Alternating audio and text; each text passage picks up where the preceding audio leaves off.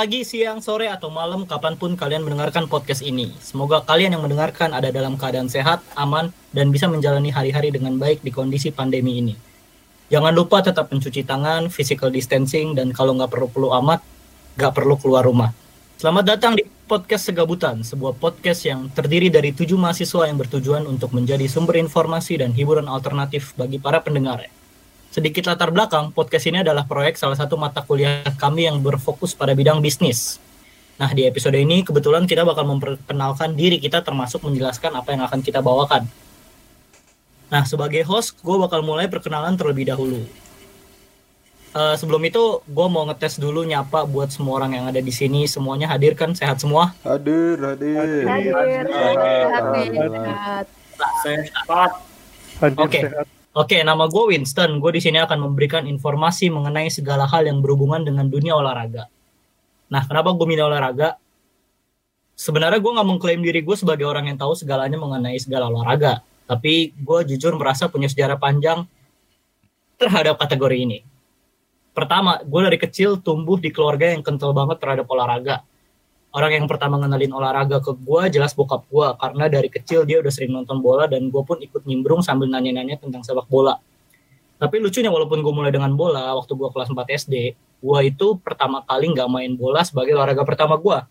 Gue itu rutin ikut klub bulu tangkis di beberapa tempat sampai gue SMP. Di SMP gue merasa bosen karena ikut karena ikut klub dan akhirnya gue keluar dari klub tapi kebetulan gue tetap rutin main tiap hari Sabtu karena kebetulan keluarga gue banyak yang gila bulu tangkis jadi gue bisa tetap ikut main. Nah masuk SMK gue diperkenalin lagi dia mau olahraga baru ke tem dari teman-teman gue yaitu basket. Nah di sini cukup aneh sih karena gue nggak nyangka bakal tertarik sama olahraga yang awalnya menurut gue bukan olahraga yang menarik. Tapi pada akhirnya pun gue juga ikut mendalami basket. Dan gue bakal bilang kalau ditanya di antara tiga olahraga yang paling besar itu gue paling menguasai sepak bola basket baru juga baru yang terakhir bulu tangkis. Nah sepanjang perjalanan itu gue juga banyak belajar tentang hal, hal baru seperti NFL. Ada juga masa di mana gue getol ngikutin banget MotoGP dan yang terakhir ini gue cukup tertarik sama dunia boxing. Nah itu tadi sejarah singkat kenapa gue percaya diri nih bawa kategori ini. Nah kalau ngomongin pengalaman gue sama olahraga itu banyak banget dari gue kecil.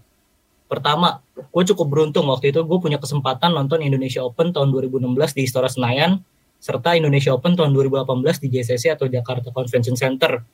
Tapi yang gue bilang tadi setelah interest gue ke bulu tangkis hilang, gue udah mulai masuk ke dunia basket nih.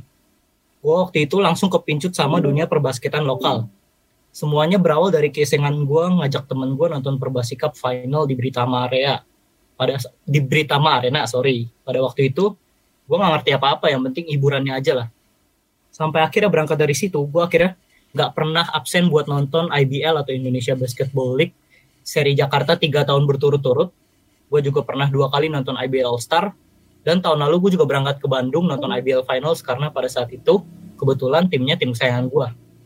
Nah tapi lucunya adalah walaupun gue pertama kali olahraga yang gue suka itu sepak bola, tapi sialnya gue sampai sekarang belum pernah nih punya pengalaman nonton sepak bola langsung. Walaupun sebenarnya gue udah sering ikut nobar, gue udah sering nonton bareng temen. Tapi sampai sekarang untuk nonton stadion belum pernah ada. Kesempatannya sih jujur ada. Pada waktu itu gue pernah diajak nonton final Piala Presiden tahun 2018 karena temen gue fans Persija dan waktu itu gue dukung Bali United. Ya walaupun akhirnya walaupun akhirnya Bali United kalah di pertandingan itu tapi gue tetap nyesel nggak datang karena pada saat itu orang rame ke GBK buat nyoba GBK yang habis direnovasi. Nah gue rasa itu cukup dari gue karena ini bukan podcast gue sendiri dan gue udah berbicara panjang banget sebagai host buat ngasih contoh. Gue lempar aja sekarang ke yang lain, eh. ke Augie aja dulu deh. Gue dulu. Iya, Augie. Ya boleh. Oke. Okay. Halo, halo. Ya udah, ya udah. Uh, halo. Nama gue William Augie. Gua, Assalamualaikum. Iya, assalamualaikum. Ya, gue di sini bakal bawain segmen tentang otomotif. Walaupun kayak kebanyakan lebih ke arah mobil. Mungkin nanti yang motor yang tahu di sini boleh bantu. Uh, alasan gue kenapa gue ngangkat topik ini ya gue nggak nggak nggak termasuk orang yang tahu otomotif banget sih. Gue cuma tahu sekedar ya apa ya kayak bagian-bagian awalnya aja lah. Jadi ya gue berharap dari gue bikinnya juga gue bisa belajar. Nggak cuma gue ngasih tahu doang.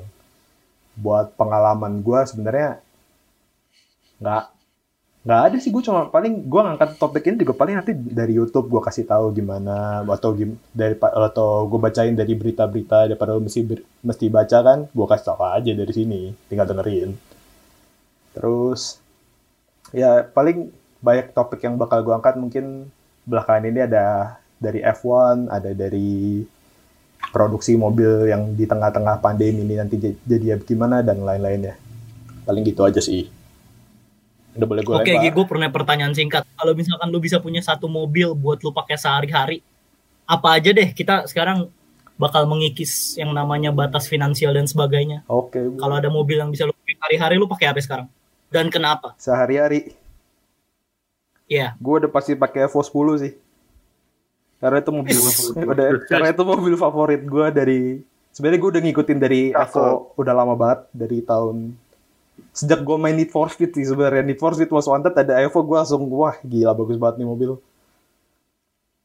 By the way gue nanya kalau pajak kayak Evo gitu bukannya gede banget ya jatuhnya kalau kita punya?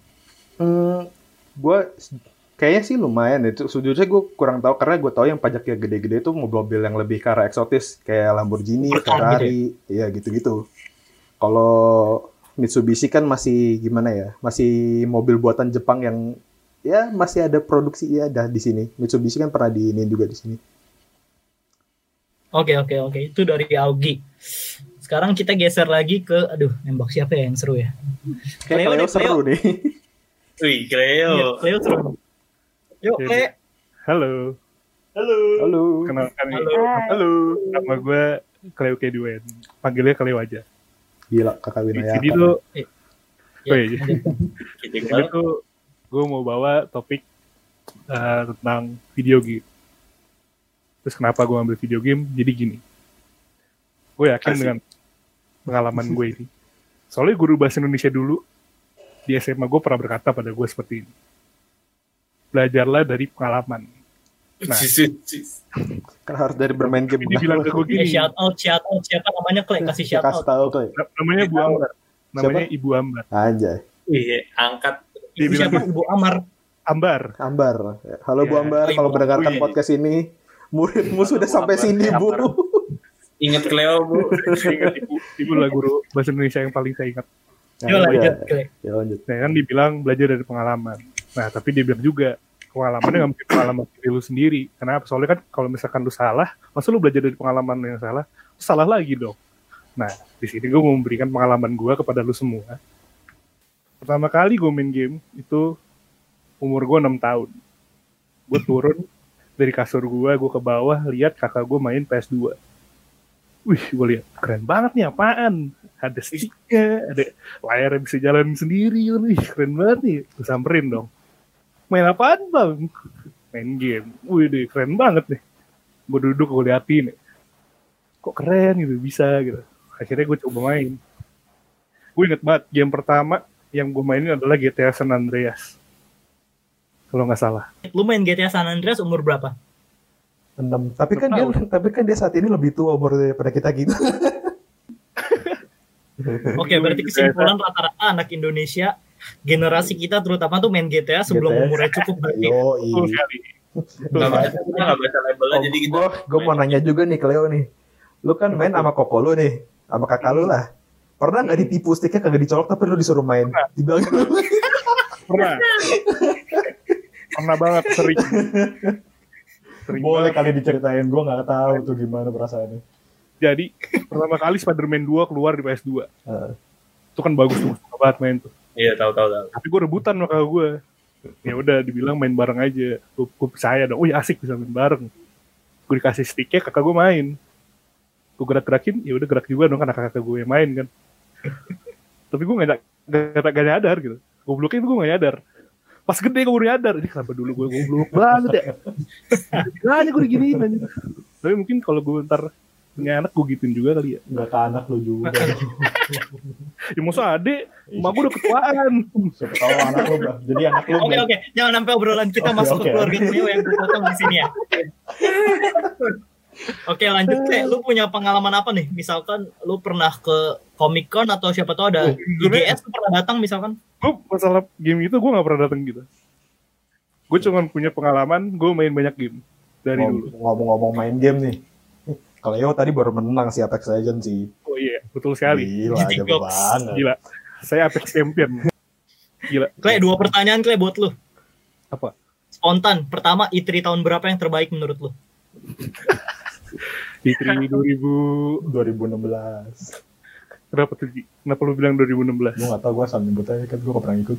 Soalnya jujur gue punya jawaban pribadi nih, tapi gue pengen Gua- tahu dari lu. Jujur, E3 2019. E3 2019, kenapa? Apa yang paling stand out? Gara-gara ada tiga game yang gue tunggu. Dari Apa aja, Bro? E3.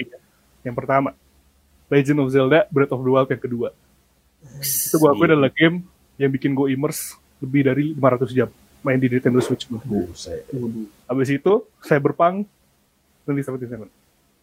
Itu juga apalagi dia adalah CD Projekt Red yang buat Witcher 3. Men, Setuju. Cyberpunk kan. Iya. Itu worldnya lebih gede. Ada lagi Baldur Gate 3. Pasti pada nggak tahu kan? Gak tau. Enggak. Tahu tahu gue pernah denger. Tapi kita diem. Aku kayaknya nggak tahu semuanya deh. Gue gua bukan nggak tahu, gue nggak mau motong aja kayak sampai lu Oh, iya, iya, iya. Sebenarnya ada satu game lagi yang nge-surprise gue.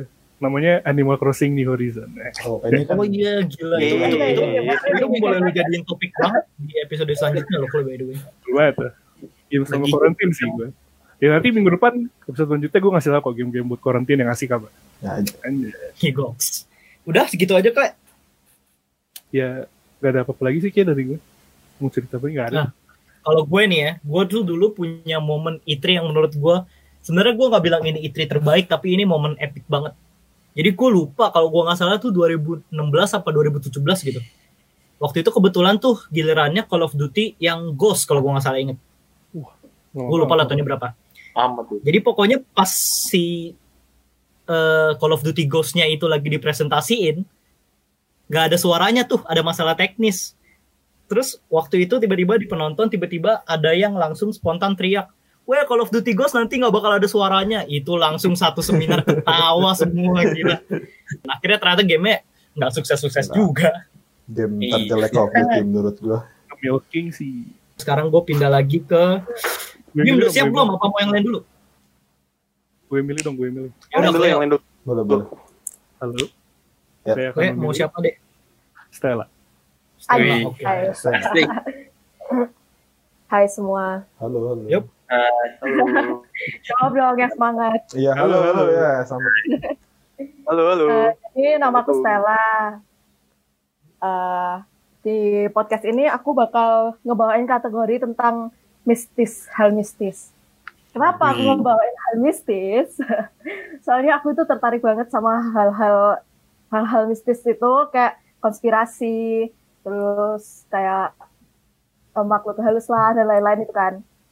Kriminal juga. Nah, eh sebenarnya aku tuh nggak ada nggak ada talenta yang dikasih Tuhan. Nah, pokoknya gitulah. Aku nggak ada sama sekali. Cuman eh aku dari kecil itu udah sering kayak nonton-nonton film horor. Nah, terus itu awalnya tuh dari kakak kakakku dia itu dia itu suka banget film horor. Nah, akhirnya dia itu beli DVD DVD bajakan tahu kan? Siapa yang Nah. ngomong? itu tuh nggak tahu kenapa yang dia beli itu horor semua kan nah akhirnya aku ikut nonton kayak tiap malam tuh nonton horor terus abis itu kayak malam-malam jam 12 itu baru nonton gitu gila banget sih anak kecil loh terus abis itu eh terus akhirnya aku bawa sampai sekarang kayak suka nontonin nontonin di YouTube YouTube lah bahas tentang horor gitu kan nah terus eh aku tuh sebenarnya suka banget kalau eh, sama teori konspirasi gitu loh. Menurutku itu Hmm. seru banget. Percaya nggak sih kalian kalau corona itu sebenarnya nggak ada gitu? Oh, Apa sih? kayaknya seru tuh. Seru. Eh, Stella, ada pengalaman gak sih horor gitu? Kayak karena nonton ntar tiba-tiba ngelihat apa gitu? Atau Ini justru nih, kemarin nih, kemarin aku ada pengalaman Waduh, nih. kemarin lagi. Oh, baru dong. Kemarin nih, bener-bener kemarin jam Eh. jam 12-an lah. Mohon maaf nih sekarang banget ceritanya. Gak apa-apa kan namanya juga Ya, pengalaman. kasih dikit lah, kasih dikit lah, nggak apa-apa lah. Gak boleh, Gini boleh. nih. Yuk, lanjut. kemarin malam kan eh, jadi kamarku tuh kasurnya tuh yang yang bawahnya ditarik gitu loh. Iya, iya, tahu. Nah, itu. Nah, aku tidur di bawah. Nah, otomatis otomatis aku tuh bisa lihat ke ke bawah celah pintuku gitu loh. Paham Oh, iya, nggak? tahu, tahu. Nah, Oh, itu tuh. Iya, iya. Ini ini posisi nggak ada siapa-siapa di luar. Eh, ya emang aku punya binatang peliharaan kan. Terus ada kakak sepupuku itu dia tuh sering sering ke depan kamarku kalau malam-malam ke toilet gitu kan. Nah terus aku tuh kemarin malam lihat ada bayangan di depan pintu. Terus kayak aku tuh mikir, alah mungkin mungkin binatang peliharaan kali ya. Ya udah nih biasa aja nih. Besoknya aku tanya nih ke kakak sepupuku kan, aku tanya, eh, eh, kamu malam-malam ke ke depan kamarku nggak berdiri di sana? Terus dia bilang enggak. Terus eh, Cici ikut nggak? Cici itu nama binatang peliharaanku. Oh, kirain. Eh. Terus abis itu dia bilang enggak, aku nggak nggak sama sekali berdiri di depan pintu kamarmu dan Cici. dan Cici juga enggak gitu loh. Terus terus aku mikir terus siapa yang berdiri di depan pintu kamarku ya? Ya udah sih. Itu Jangan, jangan. Jadi Lu tau aja. kenapa gue diem? Gue merinding, Pak. Ya, gimana? Masalahnya dia cerita di bawah pintu, gue tidur sebelahnya jendela kebuka lebar. Dia diceritain pintu kan gini. Kalau nggak di bawah pintu, mukanya kelihatan di gue. Iya, ya ampun sih. Depan Itu serem. sebelah kiri Sebenarnya kanan gue, gue tadi nyimpen pertanyaan ini buat Stella, tapi nggak gue sangka ternyata udah dibahas. Lu percaya nggak COVID ini tuh cuma konspirasi biar perusahaan yang bangkrut bisa bayar utang? Kayaknya percaya sih aku. Gila Wow. obrolan kita bakal Oh, panjang banget sih. Ini Tahu Chinese ini nggak? Chinese loan apa sih yang Hah? pinjemin duit Oh, yang lo gimana tuh kayak gimana tuh? yang minjem pokoknya Chinese pinjemin duit Hah? kalau lu nggak bisa bayar semua yang dijadiin tuh jadi punya Chinese ya kan gak sih lu Oh, gue Wah, nggak tahu nih, nggak tahu nih. Ini kayak. Oke oke, Kle, sebelum kita side tracking lebih jauh itu kita simpen buat episode selanjutnya ya. Iya. Waduh. Pertanyaan terakhir, Stel. Ya ya. Lu percaya bumi datar gak? Ah kalau itu aku nggak percaya tuh. Yes, Yes. bagus bagus senang. Nah, kita kita di sini sebagai sebuah podcast kita menghargai semua pemikiran lah. Tapi kebetulan kita tuh bukan penganut kepercayaan itu. Tapi kita nggak bilang itu salah. Nggak ada Oh. masalah. Siapa tahu bener kan. Nanti kita Yoi. kita tunggu jawabannya setelah kita masuk Oh, afterlife. impression. Oke, gue lanjut ya kalau gitu sisa dua nih masih ada Tapir sama Bimo. Gue nggak tahu nih Bimo mau duluan apa mau ditaruh paling terakhir aja. Coba gambreng. Terakhir deh. boleh tuh gambreng Gini bang, kan orangnya dua nih. Terakhir deh. Gambreng tuh nyari yang menang Terakhir. gimana bang? Ya ngetik aja kayak hitam atau putih gitu di chat. mulut. karena kalau gue will Ada bisa yang hitung, ada yang hitung, ada yang hitung. Kasih ke Nathan dulu ya. The boleh, boleh. Kita Yaudah. kebiasaan manggil orang ini Nathan, jadi kita manggil dia Tapir. Gue juga nggak tahu sejarahnya apa, mungkin dia bakal ceritain kenapa. Eh, boleh, jadi gue kasih panggungnya ke Tapir, silakan lo menjelaskan tentang posisi lo di podcast ini. Oke, what's up guys? Waduh, udah kayak Iya, vlogger. teman. Gua, nama gue Nathan Tafis. Panggilan gue Tapir, ya. Itu ada sejarahnya ternyata. Lah, Dari Singkat, apa- singkat aja, singkat. ya singkatnya aja ya. Gue dulu apa ya dari SMA SMP sih itu. Dari SMP tuh gue apa tiba-tiba lagi mau ngerjain apa sih seni yang seni gambar-gambar gitu gue dulu udah pernah belajar gitu. Belajar cukil kalian pernah pernah belajar gak Tuh kan Enggak. Apa cukil gitu.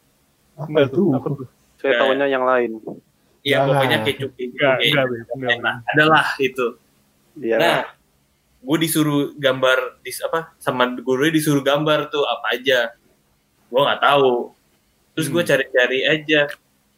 Apa ketemu binatang.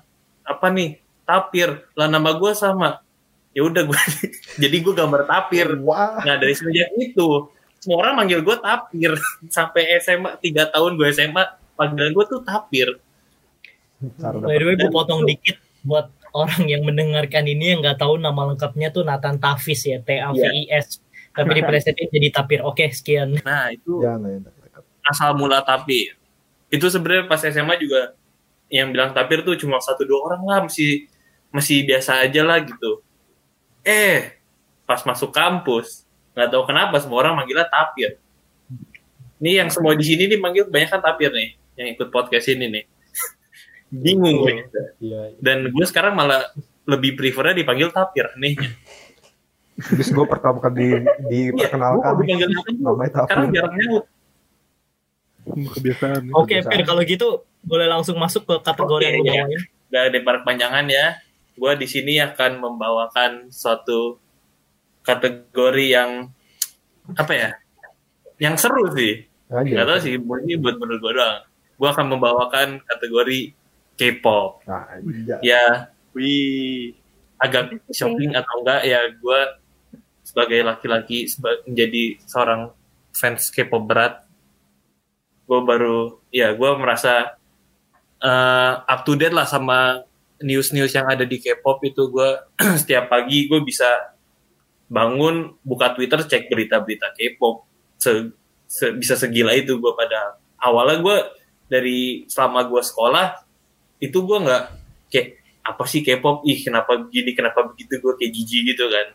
Masuk kuliah keracunan gue terus ketemu lagi sama orang-orang yang suka K-pop makin keracunan gue bisa sampai makanya gue mau apa membawakan kategori K-pop ini di podcast ini gitu Mantap. Oke, sini- sebelum sebelum lu menceritakan pengalaman lu, gua bakal nanya satu pertanyaan karena mumpung orang-orang belum tahu pengalaman lu. Soalnya kalau lu udah cerita pengalaman lu, pasti jawabannya jelas banget nih. Menurut lu siapa boy group dan girl group terbaik di Gen 3 K-pop? waduh Gen 3 Waduh, Hmm. Gen 3 ya. Ya kalau ini sih personal opinion eh personal personal opinion aja ya mungkin sih yang sekarang tuh eh, kalau dilihat ya kalau boy group ya semua orang udah tahu sekarang yang menjadi fe- fenomena banget ya BTS. Wow, ya itu dialah ya dia tuh sekarang mendunia banget lah kayak semua semua semua di mana pun tuh pasti ada BTS, ada BTS, ada BTS ya itu ya mungkin ya karena emang kerja keras mereka dan ya dan lagi pop apa lagi fenomenanya aja dan yang girl group mungkin hmm mungkin ini bakal sedikit bias sih bakal sedikit ya ada apa sih itu objek Subjektivitas. objektivitas lah Subjek, subjek, subjektivitas. subjektivitas ya mungkin sih kalau gue bilang mungkin jangan ada yang offended atau apa jangan ada yang keja cari-cari gue dan bakal nge- ngehujat gue gitu. Twice gitu. Karena dilihat dari kalau gue sih ya karena eh, pencapaiannya juga jarang orang omongin sih. Pencapaiannya dia juga sebenarnya salah satu yang kayak wow yang satu salah satu yang wow gitu.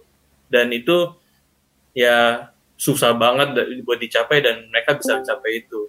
Itu personal opinion aja. Itu jangan hajar gue ya siapa pun yang dengerin ya Ini fun fact juga ya, dari semua kategori, satu-satunya kategori yang gua nggak berani kasih unpopular opinion cuma itu Cuma cuma K-pop. Gua tahu banget di situ sensitif banget. iya itu emang ini sebenarnya ngomong yang begini itu sebenarnya tuh wah hati-hati coy gue udah baca banyak banget kayak per perkelahian yang ada di online tentang K-pop ini brutal. Oke, ini. kalau gitu karena tadi udah masuk karena tadi udah masuk pertanyaan, lu boleh ceritain pengalaman lu tentang dunia K-pop ini. dunia K-pop ini gua jujur sebenarnya baru masuknya tuh baru ya 2018 lah pertengahan 2018 itu sebenarnya masih baru banget sih pasti ada banyak dari yang eh, orang lain tuh yang udah dari ngikutin dari zaman-zaman apa em, ngikutin aku dari zaman-zaman Super Junior kalian sudah tahu Super Junior atau Waduh, second gen. Girls Generation gitu kalian pernah denger gak? Denger Itu. Gen Pernah. 2 kan ya? Itu gen 2. Iya itu ID Gen dua. sih kalau nggak salah mereka itu. Ayo Dance. Iya. Iya itu pasti ada banyak lah yang udah kayak ngikutin bener-bener bener ngikutin sampai sekarang pun mungkin masih ada itu mungkin mereka bakal jauh lebih ahli tentang perkepopan ini cuma ya gue sih kalau dari guanya karena gue tuh kalau suka sesuatu tuh gue bisa kayak maniak banget. Jadi gue sedikit maniak dengan K-pop ini mau ya mengakui aja. Agak agak eh, agak maniak gue bisa tiap bulannya "Hah, beli album gitu ya buat koleksi-koleksi aja. Dan duit gue kebanyakan untuk ya K-pop K-popan gitu. Pengalaman gue sih ya. Gue juga nonton konser pertama kali waktu itu Twice Wuh. itu mengubah hidup gue semenjak itu gue berubah Tuh. Nah, ini kita kan udah selesai di bagian K-pop ya. Terakhir, Nah, terakhir. Ini tinggal yang terakhir nih. Tinggal yang terakhir yang tadi harus ngomong di depan tapi karena dia grogi, kita kasih dia panggung sekarang Bim. Silakan menjelaskan ke pendengar tentang kategori yang lu pilih, sejarah lu dan juga pengalaman lu. Wih Ya, oke. Eh, nama gue Bimo Ramadia. Jadi, topik yang akan gue bahas itu, eh, gue akan membahas dua topik yang sangat berbeda dan tidak hubungan dan tidak ada hubungannya sama sekali ya. Eh, yang pertama itu ada tentang eh, dunia perkameraan, fotografi dan videografi. Dan yang kedua itu ada eh, otomotif, tapi gue otomotifnya itu lebih ke, motor. Gue bahas ke yang otomotif yang motor dulu kali ya. Eh, gue itu mulai suka Boleh, motor boleh.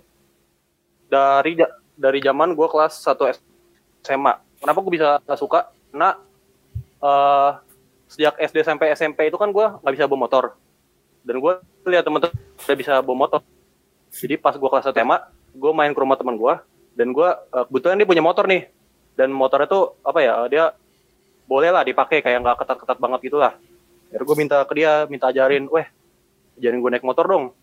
Gue udah SMA, masa nggak bisa naik motor gini-gini gini lah terus belajar lah gitu kan. Gue tiap minggu datang ke rumahnya. Rumahnya boleh nyebut eh, lokasi nggak sih? Nggak usah spesifik Nggak usah tapi spesifik. kayaknya aja.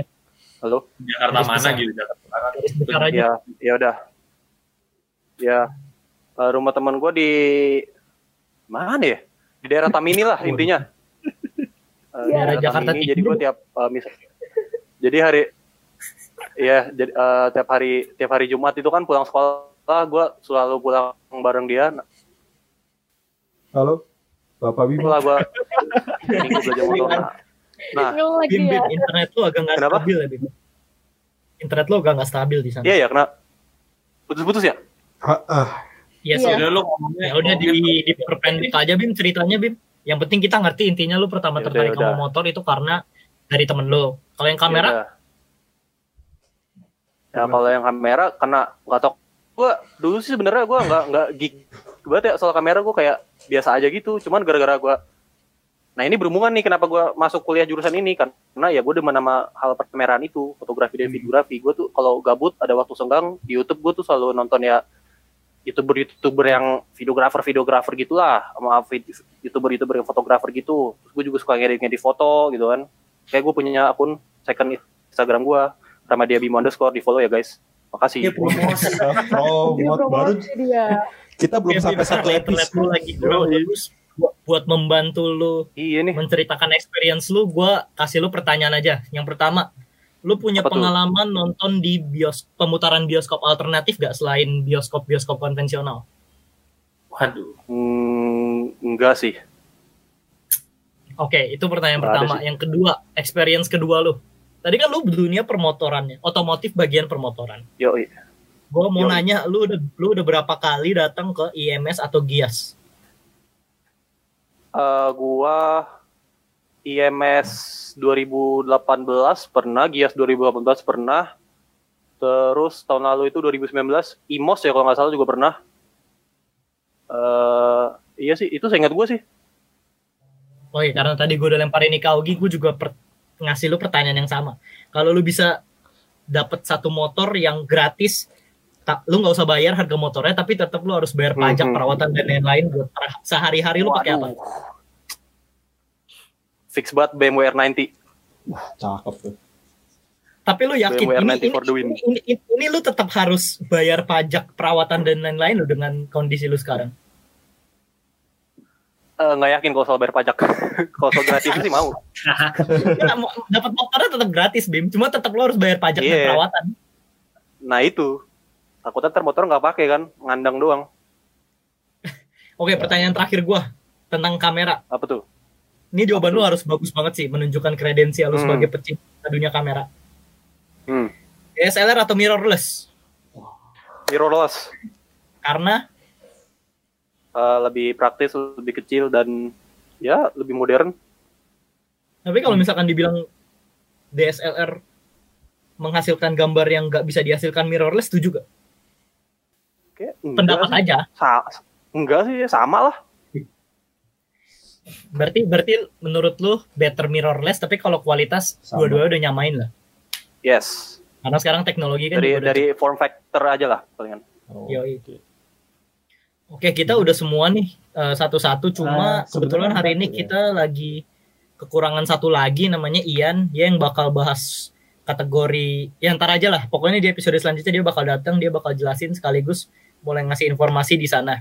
Nah, sebelum gua tutup ini podcast, gue mau ngumumin lagi tentang kasus COVID-19 di negara ini. Ini di tanggal 24 April ya gue ngecek keadaannya itu pas sekarang ada 8.211 orang yang positif, 1.002 orang yang udah sembuh dan 689 kematian. Jadi ya seperti yang gue bilang tadi di depan, jangan lupa rajin cuci tangan, terapkan physical distancing, dan kalau nggak perlu-perlu amat jangan keluar rumah. Kalau mau pesan makanan grab food, tapi kalau bisa ya karena sekarang lagi bulan Ramadan. Oh ya selamat menunaikan ibadah puasa buat pendengar siapa pun yang juga menjalani. Semoga dengan puasa ini tetap bisa berjalan dengan baik. Semoga walaupun PSBB nggak bisa pulang kampung atau mudik, tetap bisa menjalankan puasa dengan orang-orang tercinta. Dan ada yang punya tambahan lagi dari yang lain? Ah, udah. Hmm, Gue sih udah. Sepertinya. Enggak ada sih. Nggak ada ya? Oke, Tutup. ini terakhir banget nih, terakhir sebelum habis. Oke. Gue mau ngingetin lagi kalau kita punya segmen khusus buat komunikasi sama pendengar dan juga followers kita. Namanya yang pertama itu bungkus, singkatan dari bung kirim aku pesan. Gokil. ya itu itu itu sederhananya kayak kalau lu pernah SMP atau SMA ikut pensi ada yang namanya kirim dudu gitu sih. Kayak lu bisa kirim anonimus atau lu bisa nyebut namanya. Nanti kita bakal bacain di sini. Di segmen kedua yang kita dedikasikan buat pendengar dan penonton kita ada juga segmen yang namanya karedok atau kak request dong kak nah ini tuh jadi sistemnya kalian boleh nge-request suatu materi dari masing-masing kategori. Misalkan yang kayak pertanyaan spontan yang tadi gue lempar itulah. Misalkan kalian pengen pengen minta ke kategori yang mobil buat ngebahas tentang eh, lima mobil keluarga yang rekomendasi yang keluaran minimal lima tahun lalu. Atau Waduh. kalian pengen request ke K-pop buat nanya pertanyaan kayak siapa artis K-pop? Aduh sensitif ganti-ganti jangan K-pop misalkan. Misalkan pokoknya- apa contohnya ya? Atau misalkan lu pengen nanya ke bagian game lah. Misalkan pengen nanya kalau sekarang beli Switch worth it gak sih cuma buat mainin Animal Crossing? Oh ya, thank you buat semua yang hari ini udah berpartisipasi di perkenalan. Gue mau ngingetin lagi kalau kalian punya hot takes atau kalian mau ngirimin yang tadi itu buat ngirim pesan itu ada di Instagram kita yang langsung bakal dipromosiin sama yang megang Instagramnya aja dah. Eh, jadi kita punya Instagram namanya Segabutan Podcast. Silakan di follow ya. Spellingnya gimana podcast bro? pengejaannya seperti biasa Segabutan podcast PODCAST. Eh, gue nggak tahu ini episode bakal naik kapan, tapi semoga ini bisa naik besok pagi ya, sehingga kita bisa fokus buat bikin materi yang baru buat episode resmi pertamanya bersama Ian juga yang hari ini belum hadir. Eh, gua Winston mewakili teman-teman yang lain. Kita pamit, kita ketemu di episode selanjutnya. Bye bye.